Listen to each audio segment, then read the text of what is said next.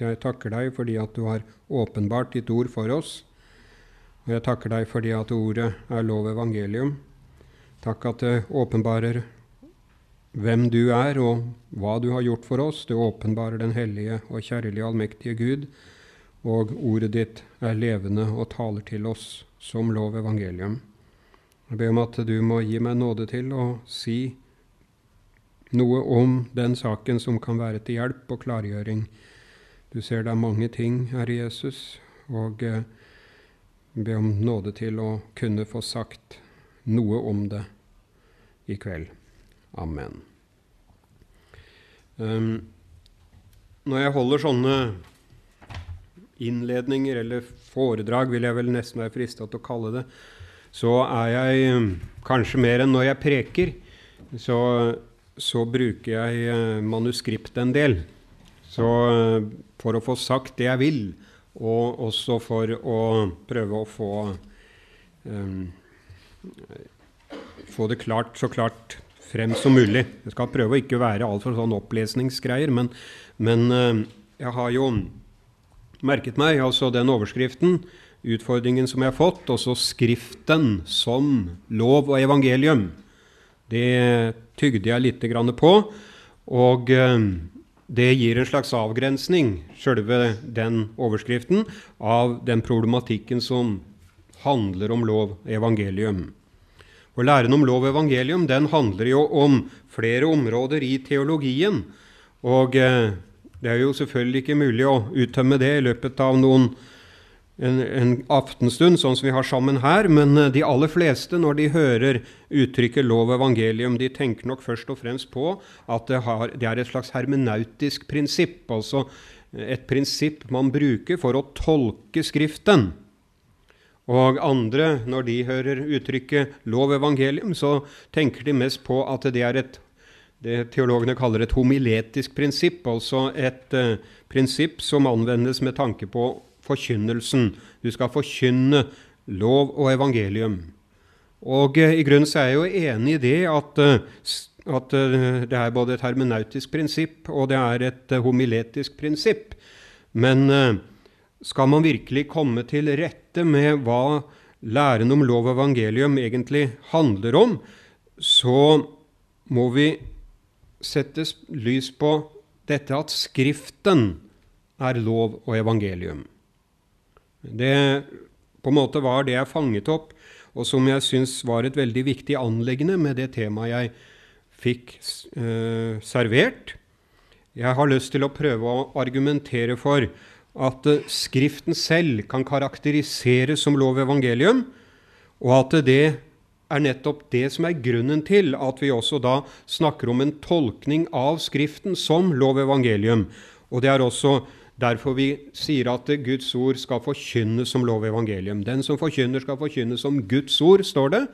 Og det betyr altså at jeg tenker om lov evangelium som et hermenautisk prinsipp og som et homiletisk prinsipp, at det innebærer på en måte at man deduserer, eh, utleder eh, Guds ords budskap. Det utledes av Skriften, og det blir det skal bli lov evangelium fordi Skriften er lov og evangelium. Det er vanskelig å unngå å starte med et lite historisk tilbakeblikk uh, for å på en måte klargjøre disse termene som vi bruker.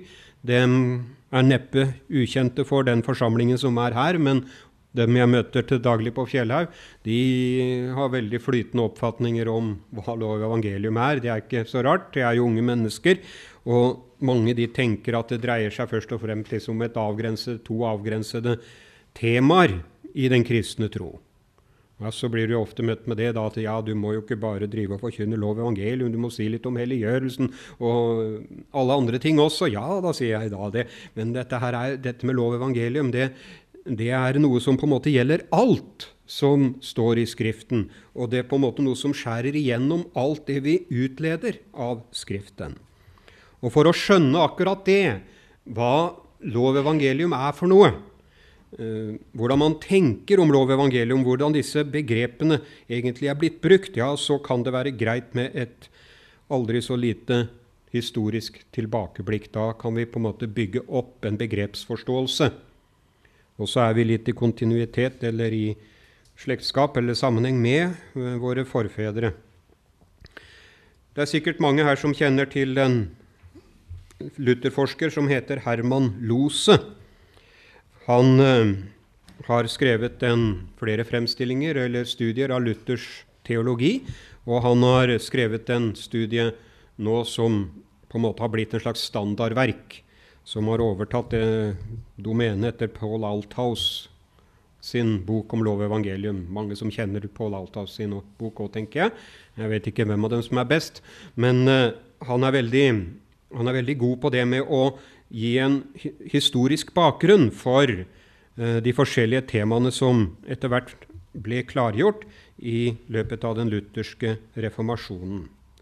Um, han påpeker at, uh, at læren om lov og evangelium ble, det mener han Lose, den ble på en måte klart for Luther etter at han hadde kommet til klarhet i læren om rettferdiggjørelsen. Først så fikk Luther klarhet i eh, en forensisk forståelse av rettferdiggjørelsen. Det mener faktisk han. Og deretter så fikk han også klarhet i læren om lov og evangelium. Jeg er ikke kompetent nok til å ta stilling til hva som kom først og hva som kom etter når det gjelder høna og egget her, men det er ikke noe tvil om at uh, at det er en sammenheng, det sier han. Læren om lov, evangelium og læren om rettferdiggjørelsen ved troen alene, at jeg blir rettferdiggjort ved tro uten gjerninger, det er på en måte den, det griper inn i, eller den korrelerer med læren om lov evangelium. Um, læren om rettferdiggjørelse og læren om lov, evangelium det er på en måte, står i et gjensidig avhengighetsforhold i luthersk teologi. Og eh, som vi skal se, så betyr dette at, eh, at læren om rettferdiggjørelsen på en måte utformes på grunnlag av lov og evangelium. Eh, samtidig så gir læren om rettferdiggjørelsen en slags forutsetning eller utgangspunkt for å fastholde en rett forståelse av loven og evangeliet. Skal jeg kunne skjelne rett mellom lov og evangelium, ja, så må jeg ta fotfeste i læren om rettferdiggjørelsen. Skal jeg forstå rettferdiggjørelsen, ja, så må jeg på en måte flytte meg og se den i lys av lov og evangelium. Sånn tenker jeg om saken. Eh, Luther skriver temmelig tidlig, allerede i 1521, at den rette skjelningen mellom lov og, lov og tro, bud og evangelium, er den høyeste kunst i den kristne kirke. Og Han er veldig opptatt av det, at eh, lov og evangelium det er nødvendig for å kunne dele Skriften rett. Og vi ser ganske tydelig og ganske klart i utviklingen av reformasjonen at eh, denne læren om lov og evangelium på en måte eh, ikke bare angår Det er ikke bare to temaer, men det er to slags perspektiver som, som skal fange inn alle temaer i den kristne tro. Læren om lov og evangelium den etableres nærmest etter hvert, og det blir jo enda tydeligere senere i, i la oss si ortodoksien f.eks., så etableres læren om lov og evangelium sammen med læren om rettferdiggjørelsen som det jeg vil kalle fundamentaldogmer. Dogmer som ligger i grunn til for en helhetlig forståelse av den kristne tro. Eh, for Luther blir læren om lov og evangelium nettopp en nøkkel til en helhetlig forståelse av, av av den kristne tro. Og eh, det er eh, Han skriver det sånn altså, Det er to ting som møter oss i Skriften. Guds vrede og Guds nåde. Synd og rettferdighet. Død eller liv. Helvete eller himmel. Eh, lov er, og evangelium er på en måte noe som avdekkes i Skriften, og som eh, kan deduseres ut av Skriften og som på en måte gir en slags nøkkel til å se en bestemt struktur og sammenheng i Skriften.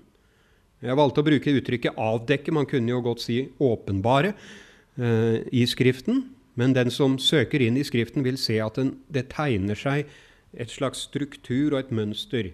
Jeg skal prøve å komme tilbake til det etter hvert. Eh, det er klart at lenge før Luther og Melanchthon hadde begynt å skrive om lov og evangelium, så hadde Augustin også skrevet om, om disse tingene. Eh, han skriver f.eks. at eh, Loven er gitt for at nåden skal søkes, mens nåden er gitt for at loven skulle oppfylles. Og Luther han legger ikke skjul på det at han kjenner sine egne tanker om lov og evangelium igjen i Augustins bok De Spiritus et Litera. Og Leser du litt i den, så oppdager du fort ja, er det Luther eller langt Augustin dette her. Vel, du skjønner jo det blir Augustin, men, eh, men det er eh, En kan godt si at Luther viderefører en teologisk tenkning som på en måte er foregrepet hos Augustin, men han utvikler en egen og selvstendig oppfatning som der hvor læren om lov og evangelium i stor grad etableres som prinsipper til en helhetlig forståelse eh, av teologien. Og Ifølge Luther så står på en måte lov evangelium i et sånt vedvarende, la oss kalle det dialektisk forhold til hverandre. Um, de kan ikke oppheve hverandre.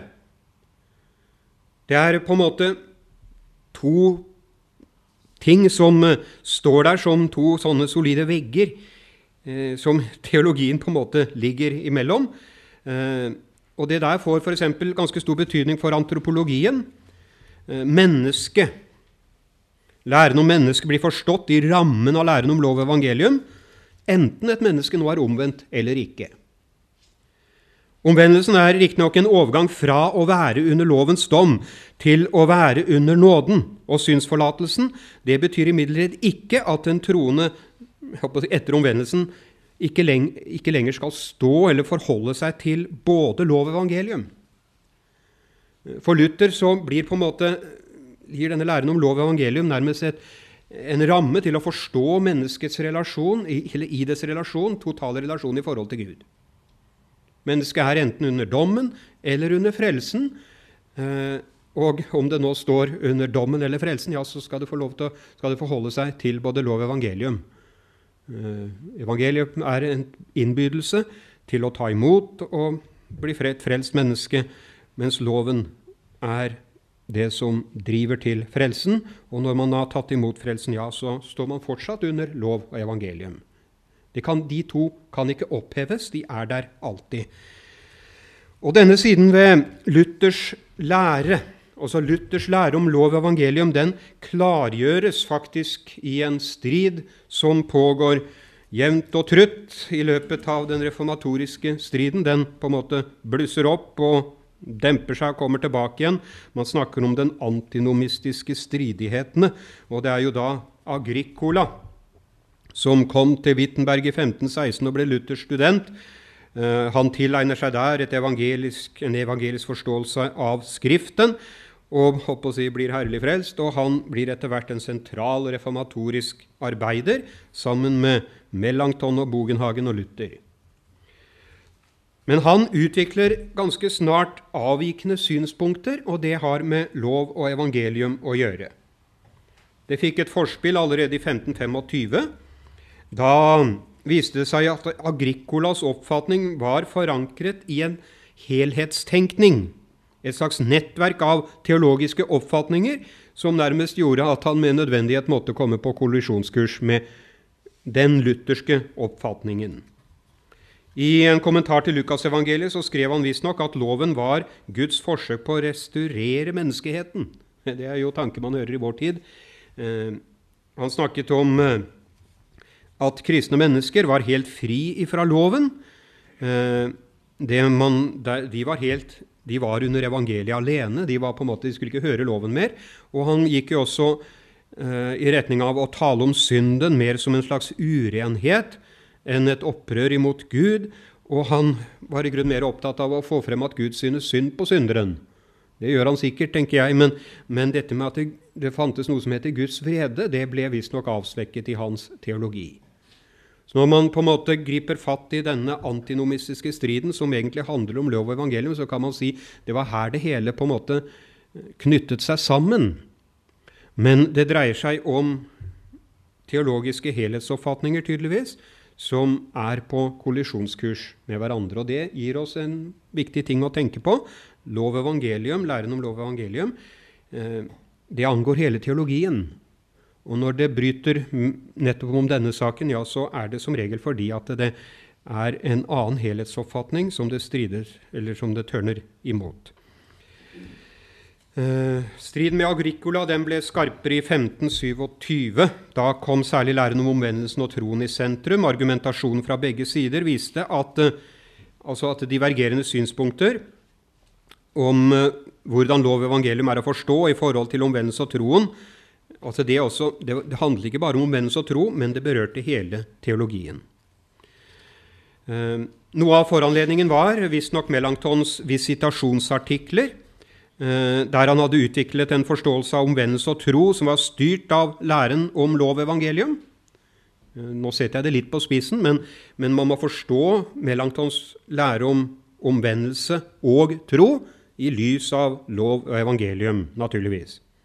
Omvendelsen ble, ja, gikk litt i retning av det. Den blir nærmest forstått i lys av loven, mens troen blir forstått i lys av evangeliet. Først er man under loven, og da kjøres man til metanoia, altså omvendelse, til synserkjennelse.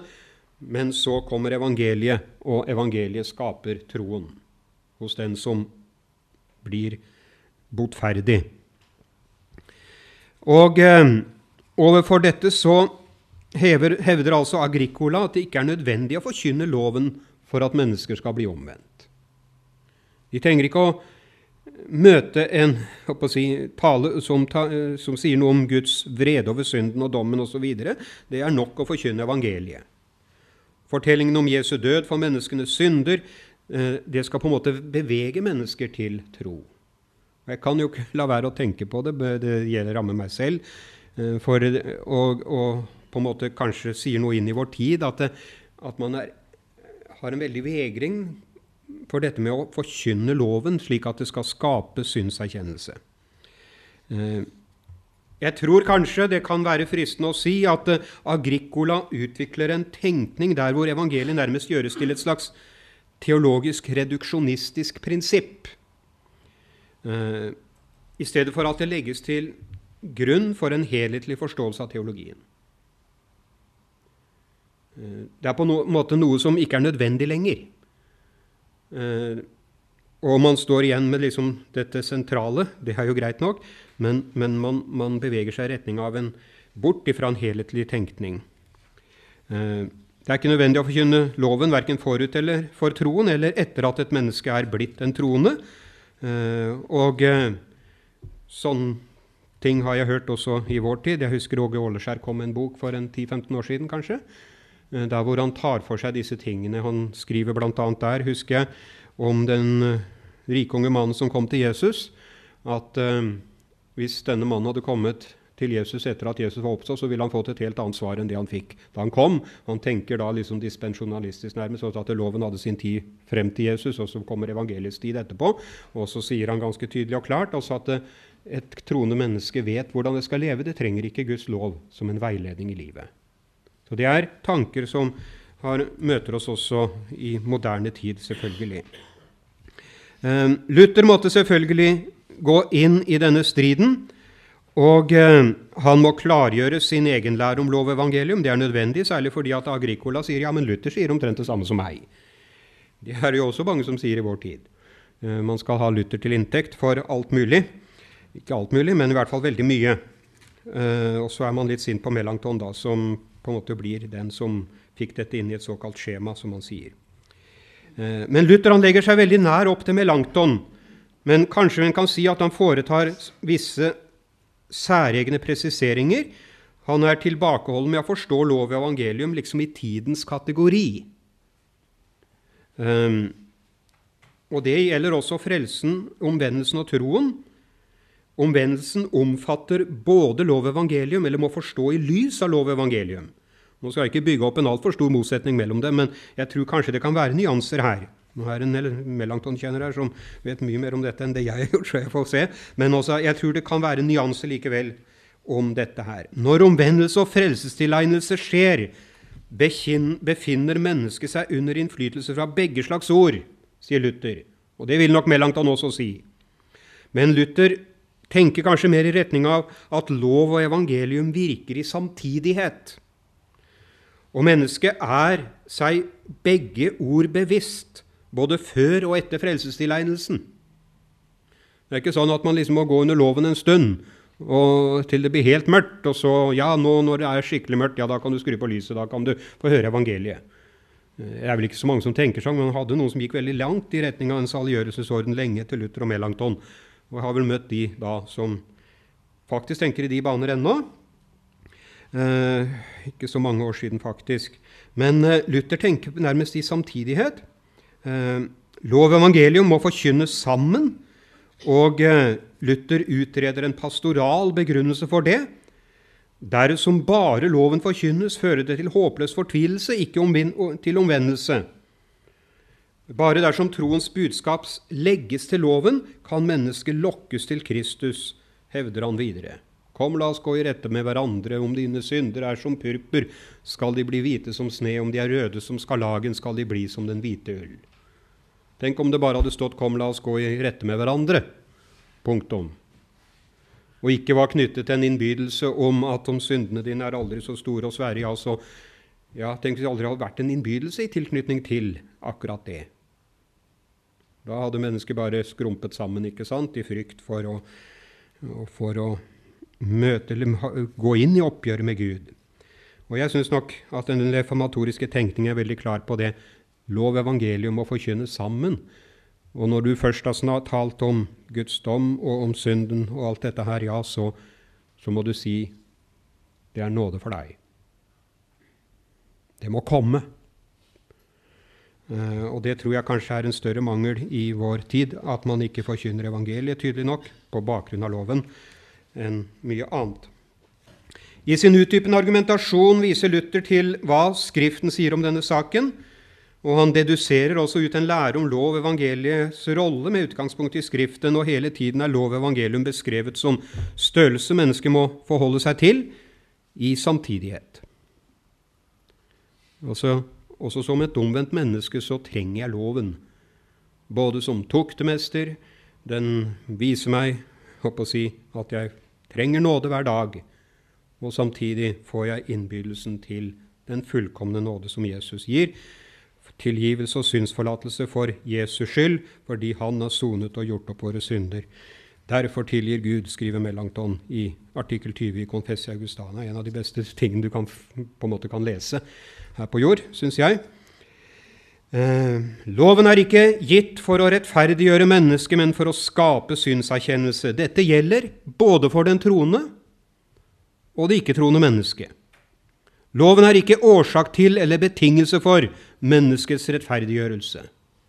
Det gjelder både for det troende og det ikke-troende mennesket. Videre så skaper ikke loven i seg selv noe nytt liv. Den gir oss en veiledning, men den skaper ikke et nytt liv. Det gjelder både for det troende og det ikke-troende mennesket. Men det der legger Luther vekt på. Men så fører han inn en viktig reservasjon eller presisering. Og så sier han um, sier han noe som har med den teologiske helhetstenkningen å gjøre.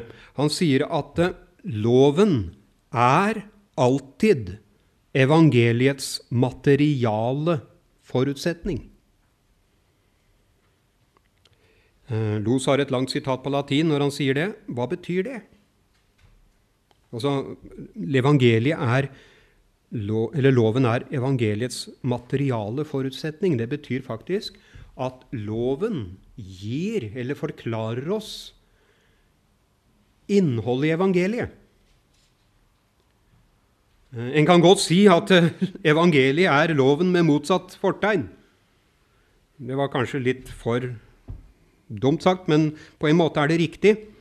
Luther fører inn en premiss i sin tenkning som viser at han tilla læren om loven og evangelium avgjørende betydning. Eh, og selv om lov og evangelium på en måte står i relasjon til hverandre hele tiden, et gjensidig forhold sånn, ja, så, og et uopphevelig forhold til hverandre, er det ikke likegyldig hvordan de to ordene forstås i forhold til hverandre. Lov evangelium i den rekkefølgen. Og Det er for teologiens skyld, altså. Og det at loven er evangeliets materiale forutsetning, det betyr at loven faktisk da gir premissene for forståelse av evangeliet. Loven åpenbarer hva menneskenes synd mot Gud består i, og loven avdekker vår skyld i forhold til Gud. Og loven blir materiell forutsetning for evangeliet, fordi evangeliet jo handler om at Jesus Kristus nettopp har betalt og gjort opp for den, si, det vi skylder Gud som syndere. Det er våre synder han har tatt på seg. Sånn er loven evangeliets materiale forutsetning. Jeg skal prøve å komme tilbake litt til det nedenfor. Her skal det bare kort nevnes at den, i den antinomistiske striden så, eh, så viser det seg altså at eh, læren om lov og evangelium nærmere liksom fikk et sånn stadig breiere eller lengre ekstensjonsområde. Det, det er tydelig f.eks. når Melanchthon i sin Loki-utgave fra 1935 innfører skjelningen mellom lovens tre bruk. Det er diskutert om Luther var helt med på det. Det behøver ikke vi å diskutere. Men Melanchthon påpeker også at loven har en politisk, en samfunnsmessig anvendelse. Loven skal videre være det som fører til synserkjennelse, og for det troende mennesket så er loven en veileder. Når jeg spør hva skal jeg gjøre for å si takk for min, den frelsen Jesus har gitt meg, ja, da skal du holde budene. Det sier Luther i hvert fall veldig tydelig og klart. Jeg tror nok han var inne på samme sporet som Melanchthon. Han sier det er ikke Gud trenger ikke dine gode gjerninger, men de neste trenger det, sier Luther. Og Du skal få utfolde ditt liv som en kristen i alle de relasjoner du er, som si, ektefelle, foreldre, besteforeldre, som arbeidstaker og arbeidsgiver. Du er på en måte du på en måte Du tar med deg dette med lov og evangelium inn i alle aspekter i livet. Um, uh, hvis noen leser Francis Pieper, så ser du når han endelig da kommer til dette med læren om lov og evangelium, så gjør han et stort poeng av det jeg prøver å løfte frem nå, at, eh, at, det, at det selve lov og evangelium også angår hele troen. Jeg Kan ikke forstå dåpen rett uten i lys av lov og evangelium. Jeg kan ikke forstå hva nattverden er uten i lys av lov og evangelium, osv., osv.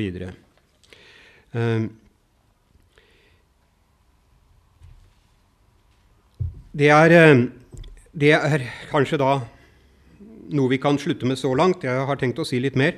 Men, eh, men, vi kan på en måte samle den tendensen som viser seg eller utvikler seg i den lutherske tenkning, lov og evangelium, er på en måte det lyset vi trenger for å kunne se hva Skriften taler om, og for av det utlede en helhetlig forståelse av dogmene. Jeg er dogmatiker, så jeg, det har jeg liksom vært litt opptatt av.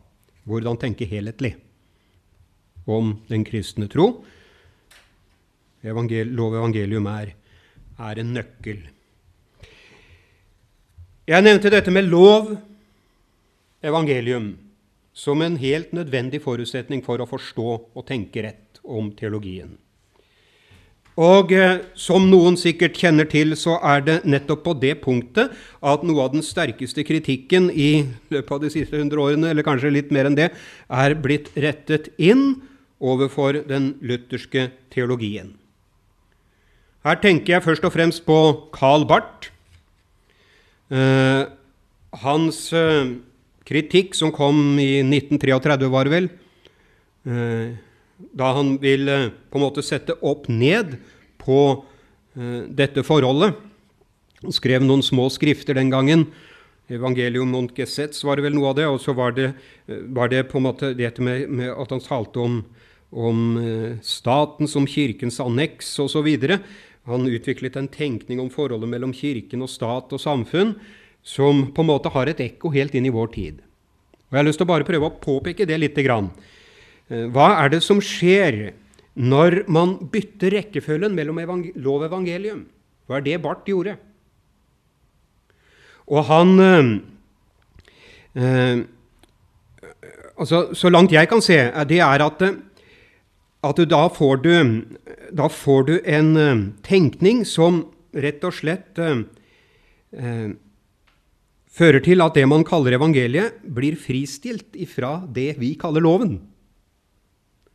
Ehm, vi får, vi kan godt si, moderne varianter av antinomisme. Det blir ikke så tydelig bestandig, men det går inn på i hvert fall en del områder. Ehm, Barth selv han utviklet en tenkning der hvor eh, han sier at evangeliet blir den formale forutsetning for loven. Ikke den materiale, men den formale. Og det kan man jo spørre hva han mener med. Men eh, så langt jeg kan se, så betyr det bl.a. at evangeliet da nærmest reduseres til et formalt prinsipp, altså et, nesten et innholdsløst prinsipp. Eh, det er jo rettferdiggjørelseslæren som er veldig sentral også i Barths teologi. Han har sin egen tenkning om det. Eh, så han er ikke helt sånn innholdstom, for all del. Det er jo noen meter med hylle, hyllemeter med Barths bøker, så det er mye. Men, men allikevel så blir det slik at han utvikler en veldig åpen forståelse av evangeliet, så langt jeg kan forstå. Og det han ender opp med, det er at Etikken skal utledes av evangeliet. Evangelium, lov. Og Da begynner vi å kjenne oss litt igjen. Jeg husker jeg leste en teolog som heter Miroslav Wolf for ikke så lenge siden. Han er faktisk på min alder og har gjort seg bemerket. Han reiste rundt omkring i verden sammen med Tony Blair en stund. Han han sier det at han ønsker å videreføre Jørgen Moltmanns teologi. Og så sier han det hvordan kan man på en måte utvikle en sosial etikk hvor man skaper sosial, si, sosial aksept mennesker imellom? Jo, man må, må, ta utgangspunkt i Jesus Kristus, hvordan han tilgav sine overgripere på korset. Ja, Jesus ba jo for sine overgripere. Evangeliet, men evangeliet handler jo mye mer om det. Men det er i grunnen det han reduserer det til. Eh, man kan snakke eller definere evangeliet som en som heter John Caputo. Det er en eh, amerikansk religionsfilosof som har gått i dialog med Jacques Derrida, også den store postmodernistiske eh, tenk tenkeren. Og Han utvikler en tenkning der hvor han sier altså at evangeliet egentlig er hospitality. Det er gjestfrihet og en fullstendig åpenhet overfor den andre, som det sier. Jeg må jo si det at vi har noe med det å vise aksept og, og kjærlighet overfor Folk som er annerledes enn oss og tror annerledes, ja, det er et kristent anliggende, men jeg vil ikke utlede av evangeliet. Jeg mener at loven faktisk snarere om det. Men her er det også dette med aksepten. Det blir ja, det er masse en kan si om det. Det blir på en måte det grunnleggende i hele den teologiske tenkningen.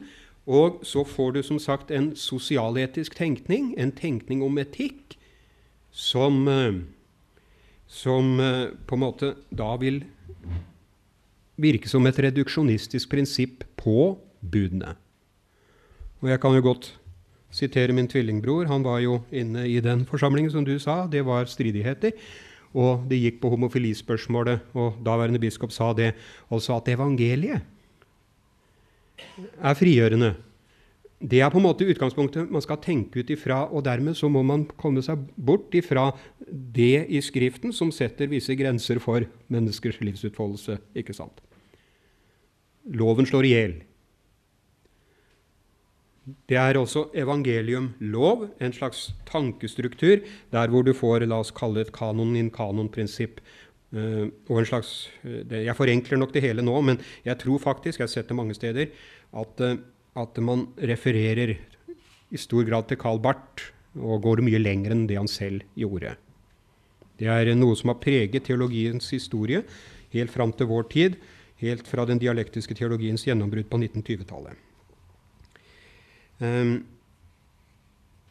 hva skal han gjøre i forhold til dette her? Uh, jeg tror faktisk at uh, nettopp det at man ikke lenger vil snakke om lov, evangelium, kanskje i, til nød vil snakke om evangelium og lov, ja, det må møtes med en ny refleksjon om hva lov og evangelium egentlig dreier seg om. Det er ikke nok, er jeg redd, bare å vise til at Luther sa det. I hvert fall så holder ikke det for unge mennesker. Eh, jeg syns i grunnen det er ganske greit. De vil si ja, men hva sier Bibelen? Så må man prøve å, å, gå dit og på en måte bygge opp en refleksjon om det. Jeg skal bare gjøre noen ansatser til det her. Jeg har faktisk tenkt litt på det. Eh, og nå må jeg forte meg litt. Men eh, jeg har lyst til å aktualisere denne problemstillingen med å bare trekke frem én av vår tids mest moderne kritikere av Luther, eller ikke bare Luthers teologi, men også klassisk evangelisk teologi. Er vi litt uh, ja, mer romslige, så kan vi jo si at den evangeliske fløy ja, så har vi i hvert fall noen minimumsting vi er enige om. Det gjelder nettopp læren om at Jesus døde som en stedfortreder for våre synder. Det er pinsevennene enig i. Det er som regel i hvert fall. Det er dere konservative lutheranere vil holde fast ved det, og enda mer, holdt jeg på å si, konservative fempunktskalvinister og arminianere. Det er man i grunnen ganske enig om. Jesus døde for våre synder. Det er kjernen i den kristne tro. Men nettopp på det punktet settes det altså inn en veldig sterk kritikk i vår tid. Det begynte vel i 2005 eller 2004 i England, i den evangelikale bevegelse der. Og det har forplantet seg til USA, den evangelikale bevegelse der innenfor en bevegelse som heter Emergent Church-bevegelsen. Og eh, her er det på en måte utviklet eller flere teologer som på en måte divergerer litt, men som samles i en steinhard kritikk rett og slett av læren om at Gud straffet sin sønn for at menneskene skal gå fri. Um, her i Norge så har du særlig én teolog, vil jeg si, som, som har Ja, det er to. Not Hotelle skrev om dette her i 2009, en bok der hvor han tar et oppgjør med læren om stedfortredende soningsdød. Og Jan Ola Henriksen går jo også veldig langt i samme retning, i hvert fall i to bøker som jeg har lest. Jeg har prøvd å skrive litt om, om det der, og jeg mener jeg, jeg, jeg, tolker ham rett. Han bruker veldig sterk kritikk. Men det er også de som går enda lenger. Det blir litt pyntelig, det som skjer her i Norge. Det er en såkalt feministteolog som heter Rita Nakashima Broch. Uh, hun er en av de mest innflytelsesrike innafor den nyere postmodernistiske og feministiske teologien. Og hun skriver at læren om at Jesus død var en stedfortredende soning for menneskenes synder, det forutsetter troen på en voldelig Gud. At Gud lar sin sønn ta straffen for menneskehetens synder, karakteriserer hun med ordene Det er hun som er opphav til det. Noen har sikkert hørt det. Hun bruker uttrykket 'cosmic child abuse'. Eh, ja, hun sier like ut at læren om at Jesus' stedfortredende død den legitimerer overgrep og terrorhandlinger. Og hun har på sin nettside omtalt Behring Breivik og hans ugjerninger på uh, Utøya.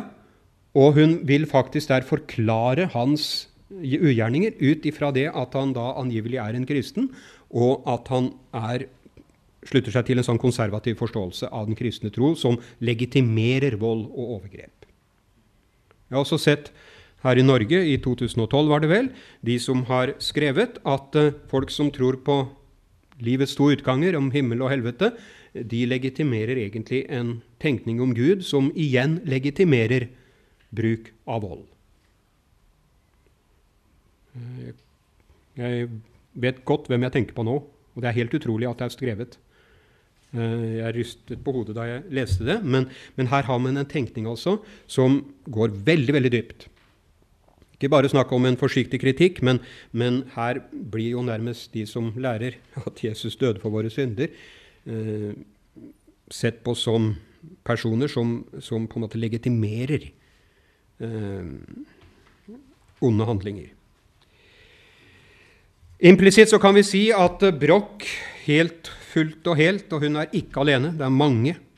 Men hun, hun på en måte vil bort ifra kategoriene lov og evangelium overhodet. Eh, det perspektivet hun velger, eh, og som blir avgjørende for hennes tolkning av Jesus, det er hun ikke helt alene om. Men eh, hun utvikler det man kan kalle et slags frigjøringsperspektiv. Jesus er en slags solidaritetsperson, en som som solidar viser solidaritet og aksept til overfor de marginaliserte og de som på en måte lever på en annen måte osv. Du får denne aksepttenkningen. Ehm, det er noe som preger mye av nyere teologi, at man helt bevisst anvender visse perspektiver, som det heter. Og jeg kaller noen av disse perspektivene som man da velger, for Noen kaller jeg for bibeleksterne perspektiver. Da jeg var misjonær i Peru, så sto jeg overfor den såkalte marxistiske frigjøringsteologien. Eh, den ble jo utviklet mye av det i Latin-Amerika. Der tenkte man også, prøvde man å forstå hele Jesus' og hele det kristne budskapet i rammen av en marxistisk helhetstenkning. Og dere vet jo godt hva marxisme er. Såpass gamle er vi. Eh, så, så, det kan man jo se for seg hvordan det var. Andre venner bruker la oss si, eksistensialistiske perspektiver, humanistiske perspektiver osv. Og, så og det fører jo til at hele den bibelske læren blir på en måte presset inn i en slags uh, filosofisk, ideologisk helhetstenkning. Men samtidig så merker jeg meg også at det er en del teologisk aktivitet som går i retning av å ville utvikle det jeg vil kalle bibelimmanente perspektiver til forståelse av den kristne tro. Og jeg tror at det er en bedre vei å gå, fordi at man da tar utgangspunkt i Bibelen med tanke på å finne et overordnet perspektiv der til forståelse av teologien. Da er man på en måte på sporet, men man må jo da prøve å finne det som er det rette, og det er jeg ikke sikker på om man gjør bestandig. Eh, et av de perspektivene som brukes nå, et av liksom de, de, fortellingene i Skriften som man, man, gjør la oss si, til et slags overordnet prinsipp for å forstå alt det andre i Skriften, det er det såkalte Exodus-perspektivet.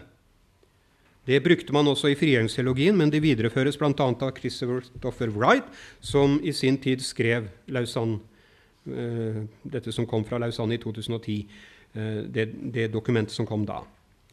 Og Han mener det at det hele Skriftens frelsesbudskap må forstås med utgangspunkt i det som skjedde da israelsfolket ble befridd fra den politiske og sosiale undertrykkelsen i Egypt. Frelsen handler ikke bare om forholdet mellom Gud og menneske, om at vi blir frelst av våre synder, skriver Christopher Wright. Det handler selvfølgelig om det, men han snakker også om økologisk, politisk, sosial frelse.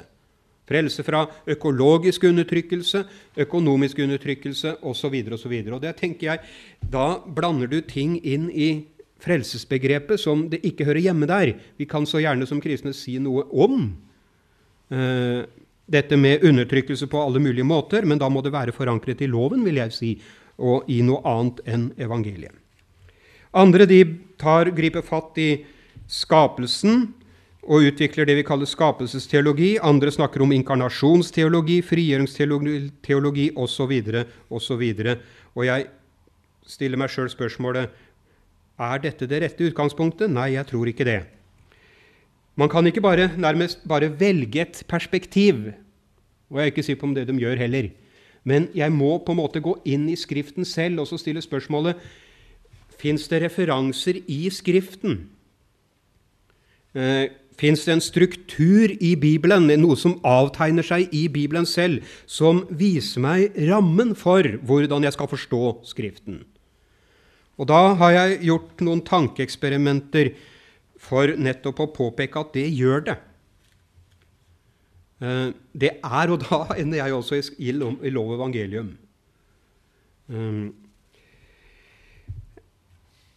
jeg eh, altså Når vi leser Skriften og med tanke på å på en måte avdekke den strukturen som ligger til grunn, eller de forutsetningene som ligger til grunn for det som sies der, så, så syns jeg etter hvert at det, at det viser seg at Skriften har visse referanser til seg selv, som eh, på en måte etablerer en helhetsforståelse. Og Jeg har lyst til å skissere litt av det kort. altså Jeg tror at hun kan drive, foreta en analyse for av evangelienes beretninger om Jesu liv. En kan ta utgangspunkt i fortellingen om døperen Johannes, så kommer man på sporet ganske fort. Her ser vi på en måte hvordan rammen for forståelsen av hele Jesu gjerning blir lagt ved døperen Johannes' virksomhet. Han kommer først med lovens forkynnelse. Og folk de hører hans forkynnelse, og de bøyer seg for hans forkynnelse, og de blir døpt til en dåp som innebærer at de bekjenner sine synder. Men etter Johannes så kommer Jesus. Og det at Jesus blir døpt, kan vi jo ikke forstå uten at vi først har forstått hva det innebærer, hva slags dåp Johannes døper til. Jeg husker Øyvind Andersen påpekte det når jeg gikk på misjonsskolen. Jesus gikk inn under Johannes sin dåp, og han bekjente våre synder som sine, sa, sa han. Og han sluttet det ut ifra det som Johannes sier, se det er Guds lam som bærer verdens synd. Eh, vi kan ikke forstå hva det innebærer uten først å ha vært innom døperen Johannes.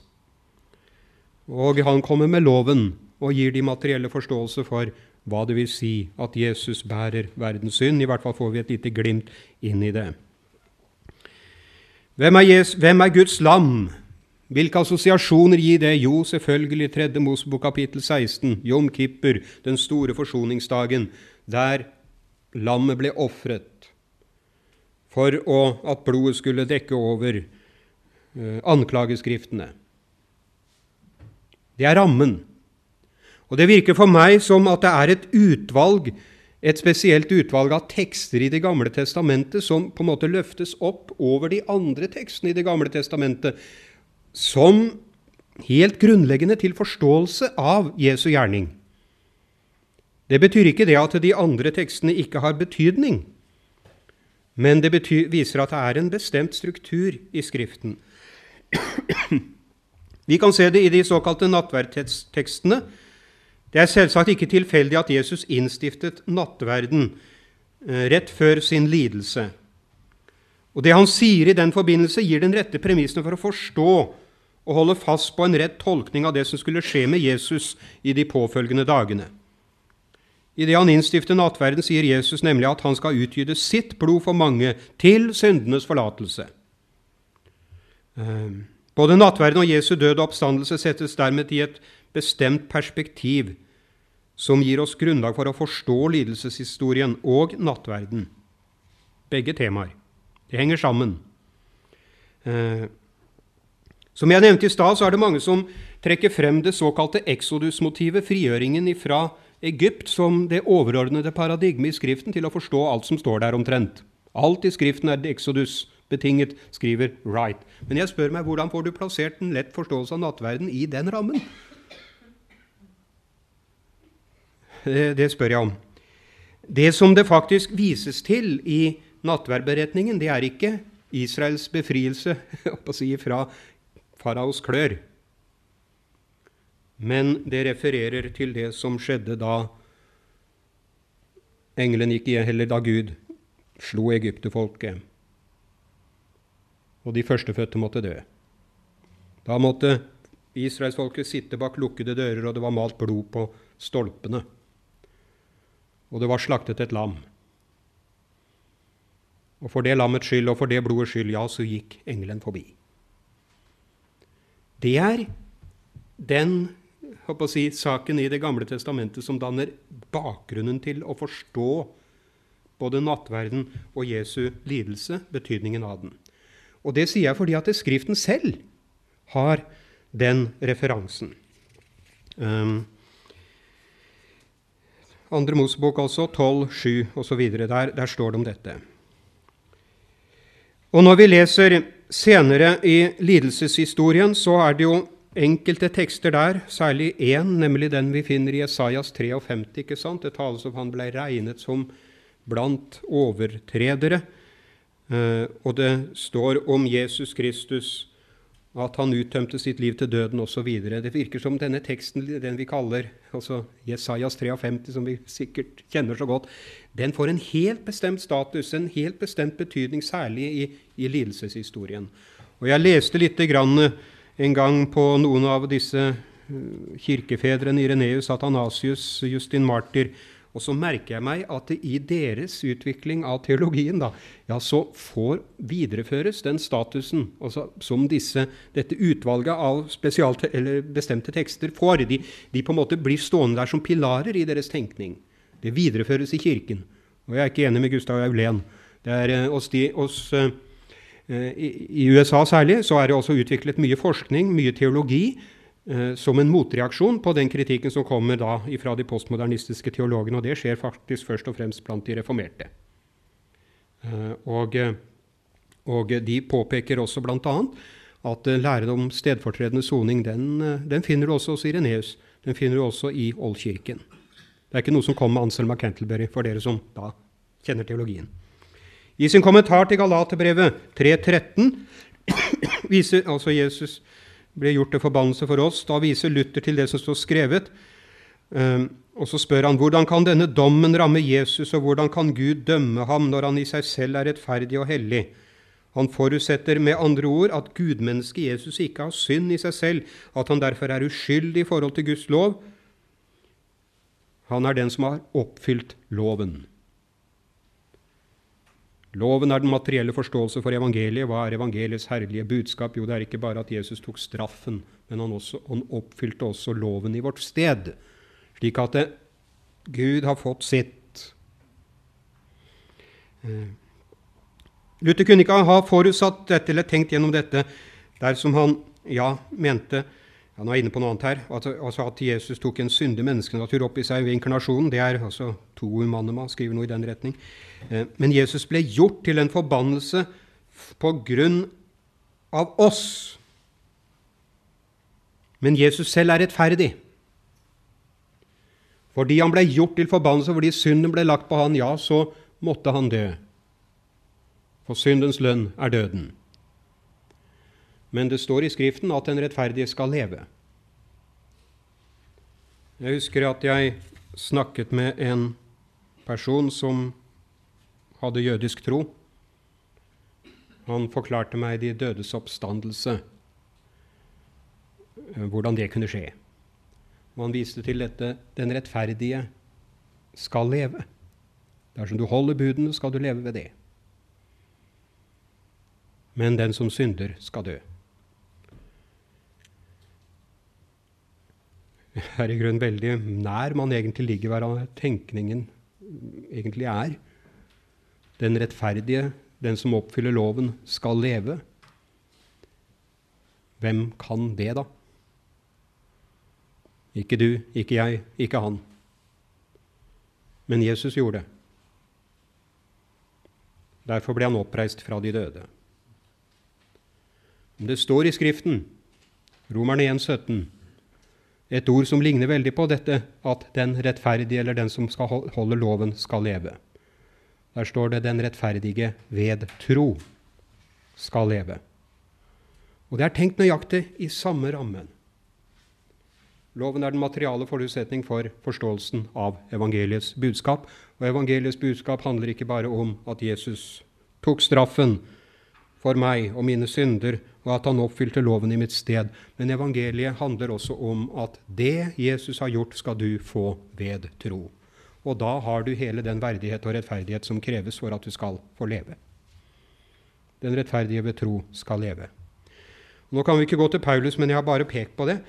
Prøvd å peke på at uh, Skriften selv avdekker en bestemt ramme til forståelse av å si, eh, slik at vi kan forstå altså all den visdommen som fins der.